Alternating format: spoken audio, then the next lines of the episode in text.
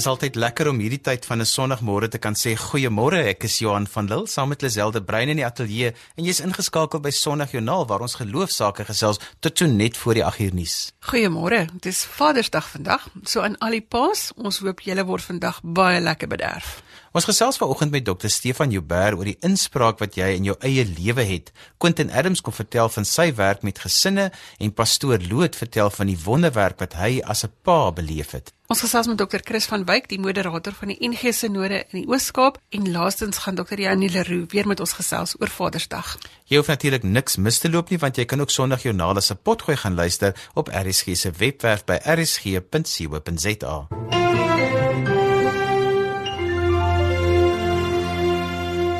Dr. Stefan Jubber is verbonde aan die Universiteit van Radboud in Nederland, asook die Vrystaatse Universiteit en dalk meer bekend vir sy betrokkeheid by die E-kerk. Maar vanoggend gesels ons egter oor die moontlikheid om jou lewe te verander. Goeiemôre Stefan. Goeiemôre Lisel, dis lekker om saam te kuier. Stefan, hierdie is 'n ding waaroor ons seker nooit genoeg sal kan praat nie. Die manier waarop ons dink en praat bepaal jou lewe. O, dit is so absoluut waar. Die Here het vir ons elkeen 'n brein gegee wat in 'n goeie werkende toestand by ons afgelewer is. Maar die brein is ook nie kant en klaar by ons afgelewer nie. Uh ons het 'n uh, die Here het vir ons 'n kop gegee in werkende toestand, maar 'n kop wat voortdurend kan groei en verander. Die slim mense, die ouens wat kwaai op die brein werk, sal sal praat van die feit dat die brein plasties is. Dit bedoelende dit kan rek, dit kan krimp, dit kan groei, dit kan verander. Ons is nie uitgelewer aan ons brein nie. Ons is daar om in te gryp op ons denke, ons is daar om in te gryp op hoe ons glo. Ons is ons is nie uitgelewer aan ons vooronderstellings en aan ons vooroordeele nie.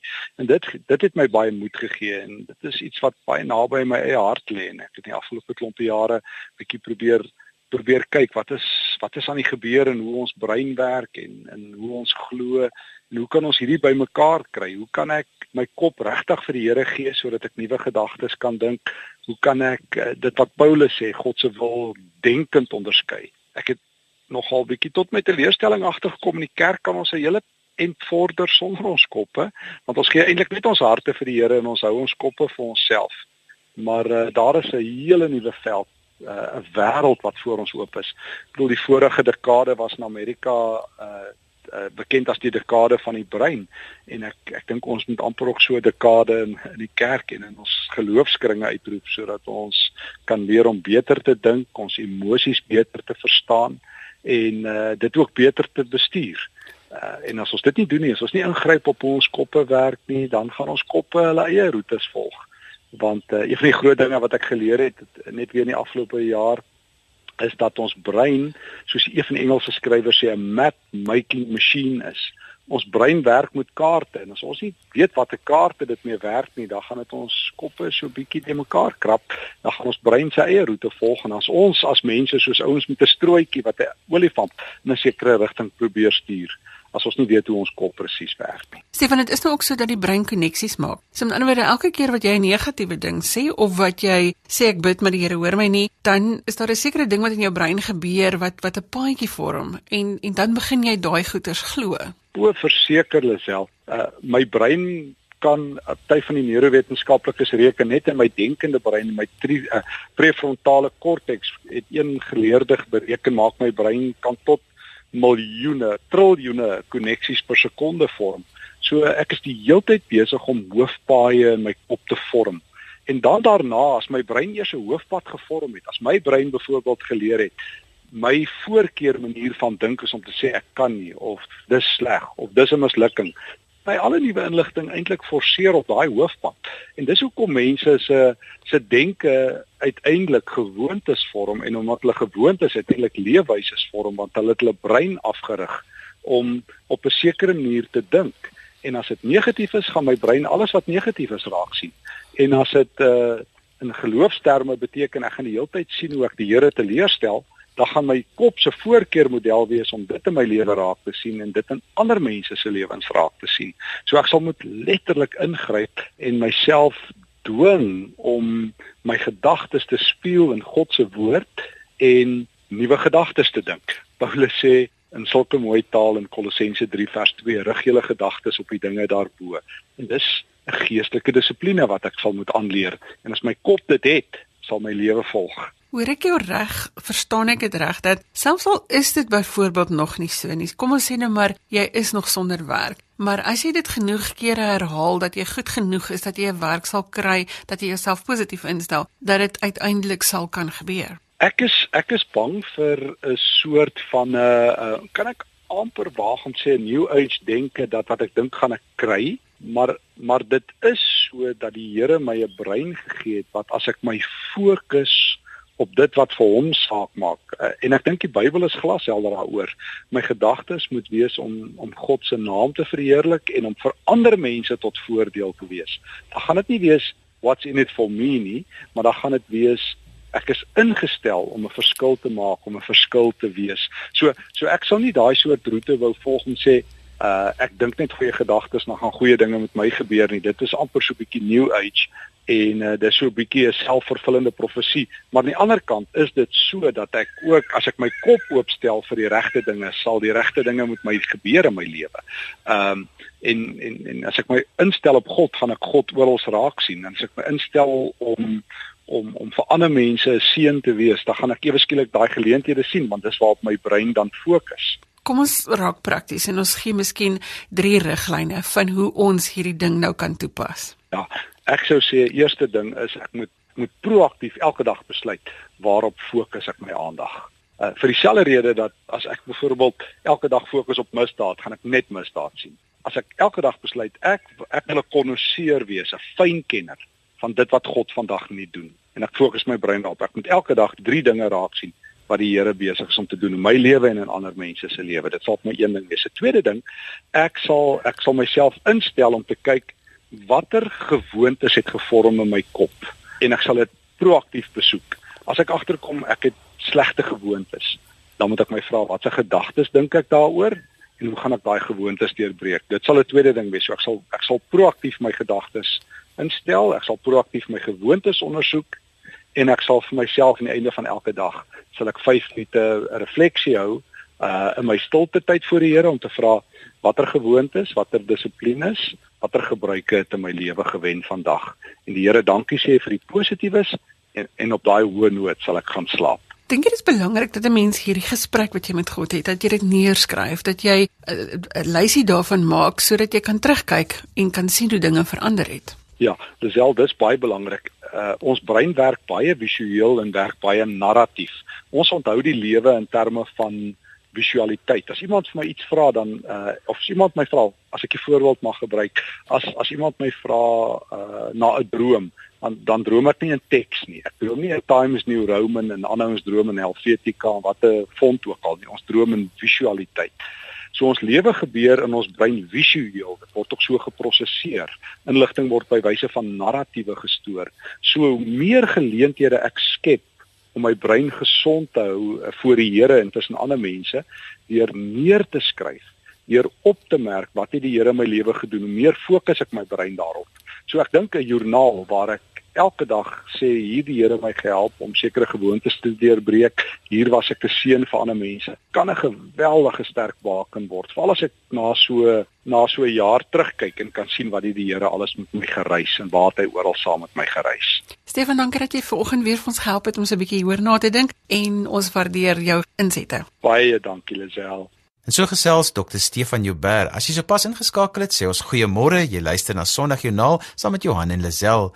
Gemaak gerus 'n draai op RSG se webblad by rsg.co.za as jy die kontakdetail van ons gaste wil kry. Jy sal dieselfde inligting ook op ons Facebookbladsy kry en ons is gewoonlik saam met jou tot en met die 8uur nuus vanoggend. Ons het nou al vanoggend gehoor van Stefan Joubert en Quentin Adams, maar volgens aan die beurt is dit pastoor Loot wat met Janine gesels het oor sy geloofspad. Uh gewone ou wat baie lief is vir Here en regtig waar die voorreg gehad het om Jesus op 'n vroeë ouderdom in my lewe te leer ken.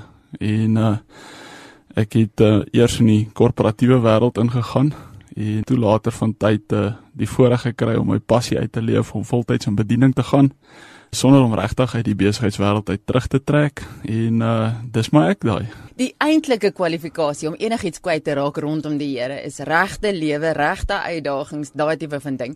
So as jy nou praat oor wonderwerke en hoe ons moet bid vir 'n wonderwerk, is jy deur iets wat hierdie openbaring vir jou gegee het? Ja, ek het eintlik 'n 'n klompie stories. Ek dink ek gaan die enetjie uitlig is ehm um, die dag toe my seentjie verdrink het.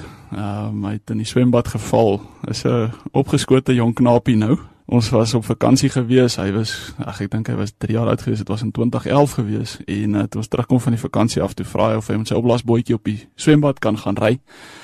En nou in die voordeel van terugkyk moes ek seker nie vir hom ja gesê het nie. Uh, maar ek moes sê nee, is reg gaan gaan sit op die swem op die op die opblaasbootjie ek het in die huis ingegaan om my dogtertjie gaan bad. En terwyl ek op bad toe sê die Heilige Gees my ma waar is jou seun? Ek ja. hom ewe nonchalant antwoord ek kom. Ek sê nie hy is op die swembad op sy bootjie.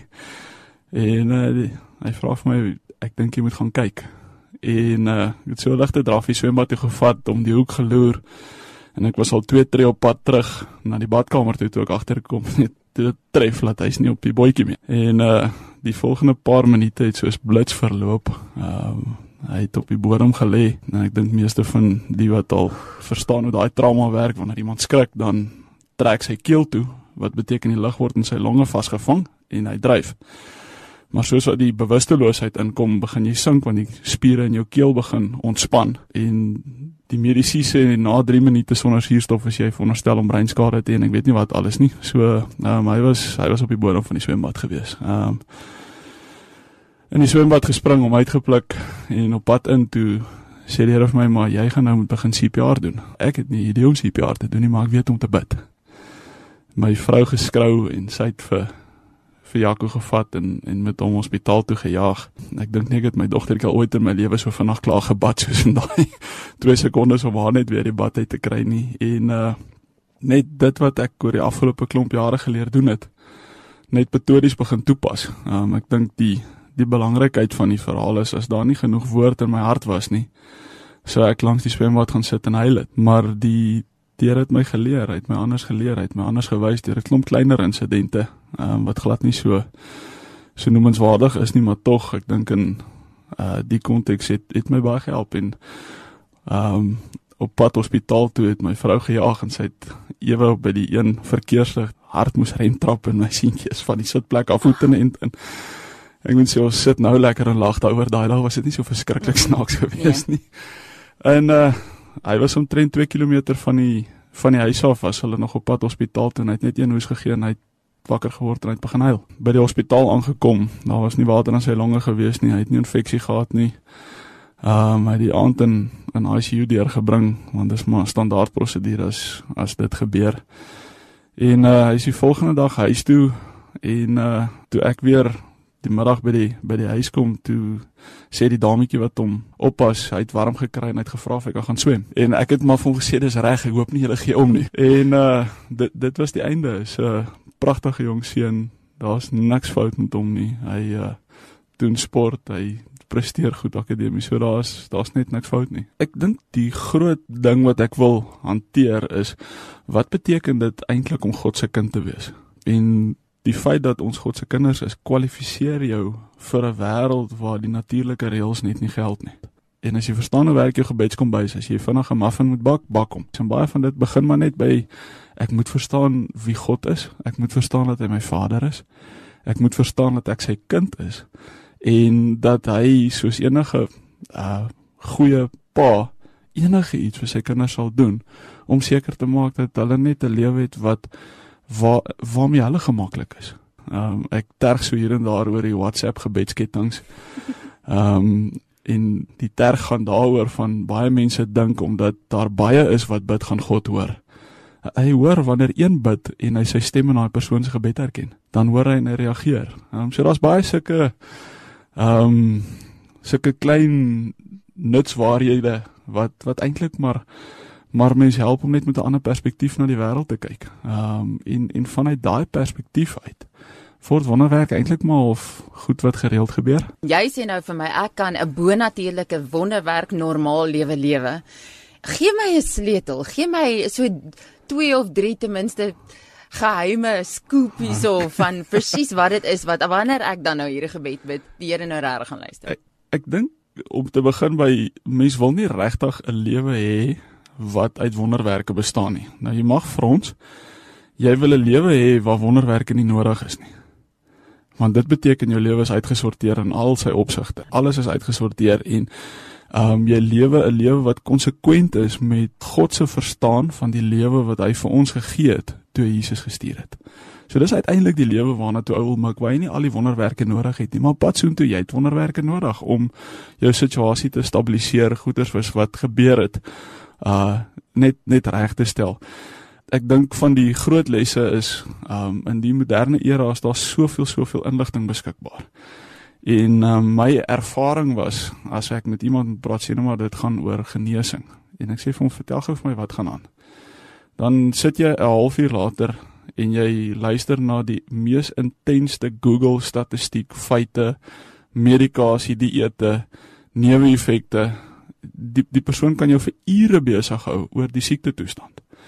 En dan is die volgende vraag: Gee gou vir my vier verse wat gaan oor genesing. Dan sit die persoon met sy mond vol tande. Mm. En en dit beteken of wat ek sê die die beginsel is dat dit wat jy verorber, verorber jou. As jy Google se statistiek en al daai tipe van dinge verorber, dan gaan dit jou lewe word. Want God het vir ons geskape met die vermoë om te skep. Hy het gesê Genesis ek wil julle maak na my beeld en my gelykenis. En dit beteken dat God vir ons inherente skepingsvermoë gegee het. En as ons dit wat ons onsself mee inrig, die inligting wat ons ons in ons harte toelaat, gebruik, dan gaan dit die lewe wees wat ons vir onsself skep. Mm. En as jy dan vir die persoon sê so die die versies oor oor genesing en hy kan jou nie antwoord nie, dan beteken dit sy reservoir op op woord is leeg. Wat beteken as niks wat geskep kan word vanuit daai posisie uit nie. Jy gaan sit en heeltyd vir God sê, Here help, Here help. Help Here terwyl hy al gehelp het. Want die dag toe Jesus gestuur het, het hy gehelp. Um, ek het baie keer vir die mense in my gemeente gevra, nadat God vir jou die Heilige Gees gegee het en nadat hy vir jou die woord gegee het, wat meer soek jy by hom? Daar's niks meer wat hy vir jou kan gee nie. En dan word baie mense vasgevang in hierdie hierdie ruimte waar hulle vir God vra en bly vra en smeek en en met trane goed by hom afbid wat hy reeds vir hulle gegee het. Um, en dit is so goed soos wanneer ek vir my my seun 'n rugbybal gee en hy kom na my toe en sê pappa, sal jy asseblief my rugbybal gee?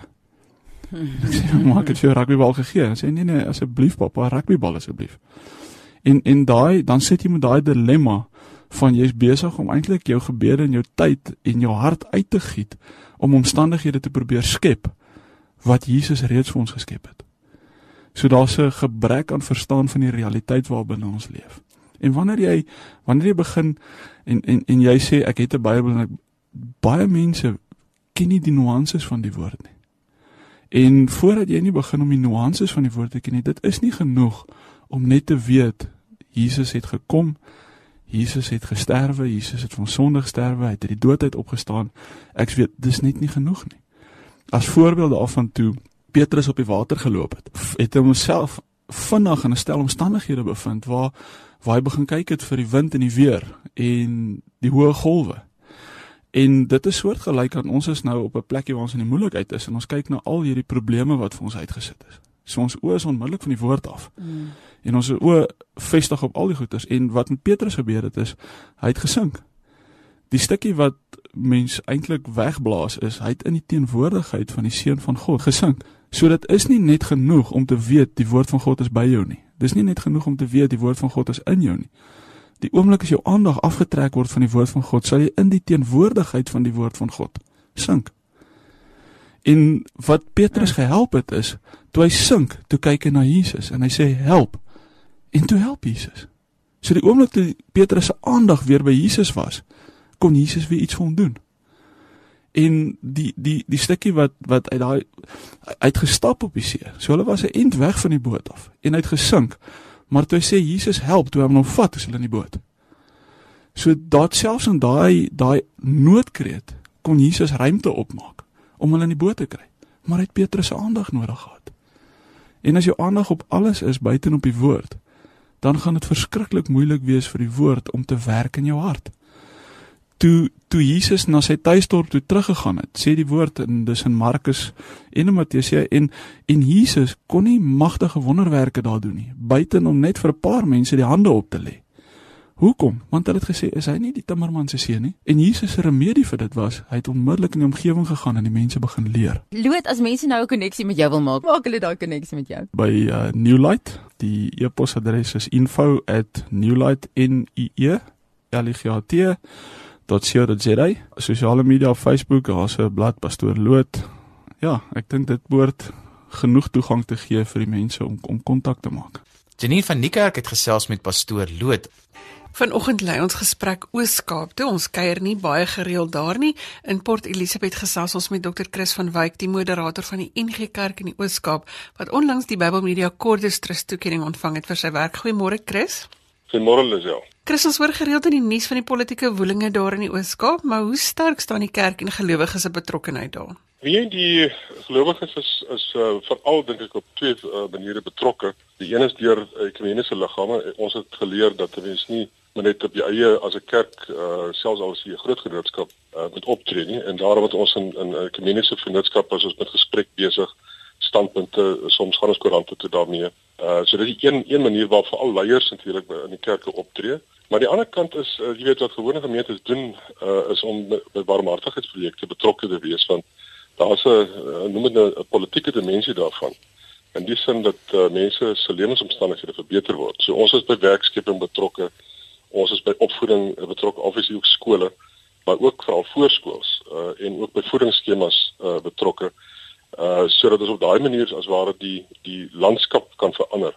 En dis nie net natuurlik gemeentes wat dit doen nie, dis ook uh, groter strukture waarby ons ook daar betrokke is, uh, vennootskappe met uh barmhartige organisasies, uh staatsinstansies ensovoorts. Chris, jy het onder andere die toekenning gekry vir jou bydraes as medewerker aan die gemeentedienste netwerk. Jy het preektekste geskryf, bydraes vir die seisoen van luister gedoen, die seisoen van menswaardigheid. Hoe belangrik is dit dat die kerk deur hierdie fokusse by mense uitkom? Uh wel, ek dink dis die kerk bestaan is om uh, uh, op op verskillende vlakke, soos ek nou gesê het rondom barmhartigheid uh, by mense betrokke is, maar ook om uh, vanuit ons uh, lewe met die Bybel en en uh, met die Here saam mense te help om dit met integriteit en met met uh, goeie gevolg te kan doen. Ek het op 'n punt vroeg in my bediening uh vir altyd net begin uh met met uh, op 'n breër terrein werk. Daar frase in my vasgesteek helping the helpers. Help aan die, die mense wat help. En uh, dit was die die begin van uh, 'n uh, klomp netwerke wat gestig is in die kerk. Die een was nou die gemeentedienste netwerk waarvan ek nou praat wat uh, jaarliks so 'n forum het waar ons bymekaar kom en met mekaar tendense deel. Ons doen 'n bietjie navorsing, ons reflekteer oor wat aangaan op die oomblik binne die breë terrein van van ons land en ons kerk. En aan die hand daarvan word daar publikasies uh gepubliseer. Uh so ons help die mense wat wat werk met gemeentes wat wat op 'n breër vlak werk help ons om om op 'n verantwoorde wyse uh dinge te kan publiseer wat gemeentes en en leiers kan help. Uh dieselfde natuurlik met die preekriglyne. Ons het uh op 'n punt agtergekom dat uh wil vir al een persoon gemeentes is dit nogal 'n uh, uitdaging om elke Sondag twee preke te maak en 'n hele klomp ander verantwoordelikhede te die week te hê. Plus ons het agtergekom en en was ek baie betrokke daarbey dat uh, al meer ouderlinge begin uh preekverantwoordelikhede nakom het en ons het met 'n opleidingsprogram met vir hulle begin uh weet in terme van prediking pastoraat en so aan. Maar ons moes ook vir hulle goed gee wat wat vir hulle kan help om te preek. En daarom het ons met die projek begin ons publiseer elke week 'n preek ook in Pinkster vir die hele Pinkster tyd uh, wat ons kerk mos nou die 10 dae afstaan aan aan prediking oor die Heilige Gees en verwante sake. En uh so ons het die preekriglyne geskep wat afgelaai kan word uh, kosteloos van van die webtuiste ons het so drie webtuiste wat daarmee werk uh, sodat hulle jy weet bemagtig word om uh, die woord te kan verkondig. En so kan ek nou aangaan hierdie seisoen van van uh, luister uh, was baie gefokus daarop dat ons mense moet help om te leef met die idee dat God praat en dat ons luisterryk as ek nou die woord sou kan omdraai uh dat hulle so met leef.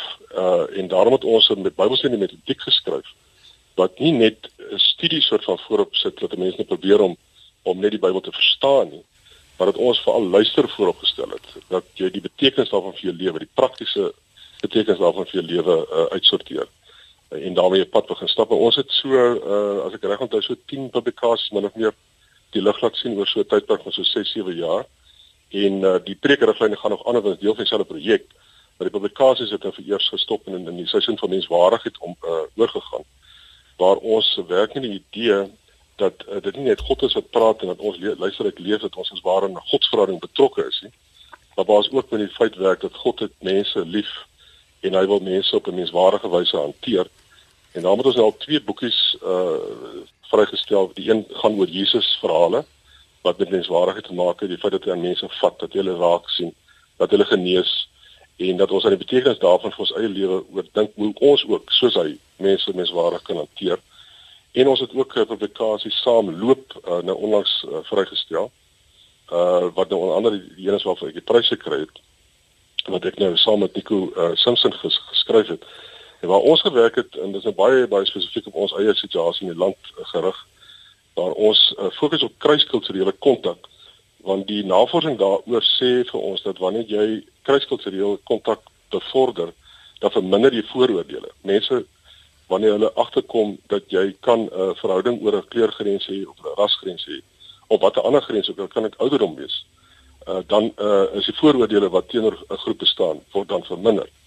En ons het die boekie so geskryf dat uh, dit aan die een kant Bybelstudies is wat wat uh, sê net maar 5 mense van een gemeente uh, uit een gebied met vyf uh, lede van 'n ander gemeente sê net maar in 'n swart of 'n bruin gebied uh, pad met mekaar kan stap sodat Bybelstudie kan doen. Maar ons het ook baie spesifiek uh, vir hulle so sewe geleenthede gegee uh, wat in die boekie beskryf word waarin hulle saam gaan kuier, uh, by mekaar weer by mekaar, saam gaan eet, 'n uh, fliek saam gaan kyk, 'n uh, sportbijeenkoms saam bywoon, uh, hulle kerke oor en weer uh, bywoon sodat in die publiek as ware hierdie vriendskapsbande kruiskultureel uh, op die tafel kan kom. En uh, ja, gaan nog 'n hele klompie goed nou in die seisoen uh, geskryf word en projekte gaan geloods word wat met genderwerk en met 'n hele klompie ander sake rondom menswaardigheid. Maar dit is die die idee van die twee goed is eintlik om mense wat reeds betrokke is en wat reeds help op uh, watter vlak ook al binne gemeente en ook binne die gemeenskap om hulle hulpmiddels te gee om die op 'n verantwoordelike en in met 'n integriteitswyse te kan doen. Dit bring my nou by die vraag, elke keer as ek byvoorbeeld in Johannesburg kom of in Port Elizabeth, dan dink ek ons bly in totaal verskillende wêrelde. Ons kan net soveel in verskillende lande bly van ons hier in die Weskaap. So, hoe maklik is dit vir geloofs geloofsgemeenskappe om hierdie verskille te integreer? Jy het nou boekies geskryf wat nou, jy het nou gepraat van verhoudings wat oor kultuurgrense heen strek. Is dit maklik om universeel te kan dink daaroor? Ek uh, dink uh, dit dit hang af van watter vertrekpunt jy werk, uh, wat jou uh, idees vir menswees en en en hoe uh, jy dink oor gemeenskappe want die die res van ons apartheidsbestel waar mense in verskillende woongebiede tereggekom het, uh, het nog steeds 'n geweldige uitwerking op op die manier wat ons leef. En uh, dis net een van die redes waarom ons met die kruiskulturele boekie werk dat ons mense uit hulle gemaksones van die gemeenskap waar hulle is en waar hulle gewoond is aan ensovoorts kan uitbeweeg En as ware agterkom dat menswees is eintlik 'n universele ding. Uh dit jy het nie net kenmerke van van liefde en omgee vir mekaar binne 'n een gemeenskap nie, dit is in alle gemeenskappe so. En die oomblik as jy net daai grense oorsteek en jy die reis met mense wat effens anders as jy is uh, uh onderneem, uh dan skep jy aan daai soort van ek uh, amper sê van 'n lokale soort van uh menswees na gaan dit meer na 'n globale ervaring van mense wat grense oorsteek. En ek dink die evangelie is ook eintlik so die evangelie werk regtig daar waar grense oorgesteek word. So uh, hierdie projek is dat hier seisoen van menswaardigheid is regtig vir ons 'n baie belangrike uh, projek om om regtig 'n uh, as ware 'n geheel mensdom, 'n geloofsgemeenskap wat heel is wat oor grense gaan om dit so te, te skep. Chris baie geluk en baie dankie vir die saamgesels vanoggend. Baie dankie. Lazel het gesels met Dr. Chris van Wyk van Port Elizabeth. Die tyd het ons ingehaal en ons is al weer aan die einde van vanoggend se program, maar Dr. Janie Leroux reg om met ons oor Vadersdag te gesels voordat ons groet. Môre Janie. Goeiemôre Janie. Môre Lazel, môre Johan. Dankie dat jy so op Vadersdag hier by ons is. Dis 'n plesier. Janie, hoe beleef jy Vadersdag? Ek het vandag nogal gemengde gevoelens. Aan die een kant is dit vir my lekker om te weet dat ons kinders met my gaan gesels omdat ek hulle pa is. Nou gelukkig gesels hulle ander dae ook met my, nie net op Vadersdag nie. Aan die ander kant is dit die eerste Vadersdag waar ek nie met my eie pa kan praat nie omdat hy oorlede is. Dit was so maklik om wanneer ek verlang of net wil gesels te skakel en sy stem te hoor. Daar's ons hierdie besef vir mens weer. Dis nie so self van selfsprekend om met iemand te praat vir wie jy lief is nie. Ek besef net wie bevoorreg was om so 'n pa te hê. Ja, dis altyd moeilik as 'n mens iemand vir wie jy liefhet aan die dood moes afstaan om totsiens te sê. Enige inspirasie vir ons uit die viering van Vadersdag? 'n Tyd gelede het 'n dame my kom sien met trane het sy gesê, "My pa het my gemolesteer." Dis mos nie reg nie. 'n Pa is mos daar om jou te beskerm. Jy moet mos by hom veilig voel. Ek het gevoel om te huil toe ek hoor wat sy sê. Paas is mos daarom by veilig te voel. En toe sê sy soos 'n klein dogtertjie, en ek het hom nog steeds lief. Hoe werk dit? Daar's mense wat dalk nie seksueel nie, maar dalk verbaal en psigies deur hulle paas gemolesteer is. Ek dink dis een van die ergste misdade wanneer iemand se selfbeeld en drome vernietig word. Daar's mense wie se pa nog 'n naam pa is, maar hy's net eenvoudig afwesig. Dalk is daar vandag so 'n pa wat moet hoor. Ondanks jou swak verlede en onverantwoordelikhede, daar's nog altyd mense wat vir jou lief is. Neem 100% verantwoordelikheid vir jou vaderskap en word die pa wat jy moet wees. Watter soort pa moet jy wees? Ek gaan net twee goed noem. Eerstens, wees iemand wat vir jou kinders jou hart gee. Dit beteken om in jou kinders se skoene te klim en te beleef wat hulle beleef. Dis om empaties te wees. Dis om te erken jy doen nie aldag goed nie, maar jy staan alle tye daar vir hulle. Tweedens, gee vir jou kinders hoop. Hoop beteken nie dat jy slegte omstandighede ontken nie, maar jy weet jy kan dit met geloof in Jesus te bowe kom. Paulus sê so mooi in Filippense 4: Ek weet wat armoede is, ek weet wat oorvloed is. Van alles het ek ondervinding om genoeg te hê om te eet sowel as om honger te ly, om oorvloed te hê sowel as om gebrek te ly. Ek is tot alles in staat deur hom wat my krag gee. Pawies beteken nie jy kan jou kinders teen al die aanslae van die lewe beskerm nie, maar dit beteken wel dat jy vir jou kinders die hoop kan gee dat julle saam met Jesus in alle omstandighede nog lief kan wees vir mekaar. Julle kan mekaar moed inpraat omdat julle glo God het die krag om elke situasie te verander. Om 'n pa te wees is om mekaar moed in te praat en die moed te hê om vir jou kinders te sorg. Nou ja, Janie, dis seker hoekom jy dan vir ons ook so 'n pa is want jy praat ons gereeld moed in en hou ons bymekaar hier in die ateljee. Vat gou vir ons saam in 'n laaste sin. Paas, kom ons leer ons kinders, deur Jesus kan jy alles. Dankie Jannie vir die saamgesels. Jy kan Jannie se blog gaan besoek by www.jannieleroe.co.za of jy kan vir hom skryf by jannie@jannieleroe.co.za. Nou maar Jannie, geseënde en gelukkige Vadersdag vir jou. Baie dankie. Jy kan nou saam met jou eie kinders gaan kuier. Dit gaan 'n voorreg wees. Dankie Jannie vir die saamgesels. Ek groet tot later vandag vir ons in die onderwys. Bly ingeskakel vir die res van RSG se programme vir die dag. Van my Johan van Lille. Totsiens. Jy kan vir my 'n e-pos stuur met kommentaar of as jy 'n storie met ons wil deel. My e-posadres is lazel@wwmedia.co.za. Dis L E Z E L L E by wwmedia.co.za. Of jy kan ook vir ons 'n boodskap stuur deur RSG se webwerf by rsg.co.za. Tot volgende week groet ek namens produksieregisseur Neil Roo agter die kontroles met die musiek van Gerard Stein en ons luister na Soldaat van God. Tot dan, totsiens.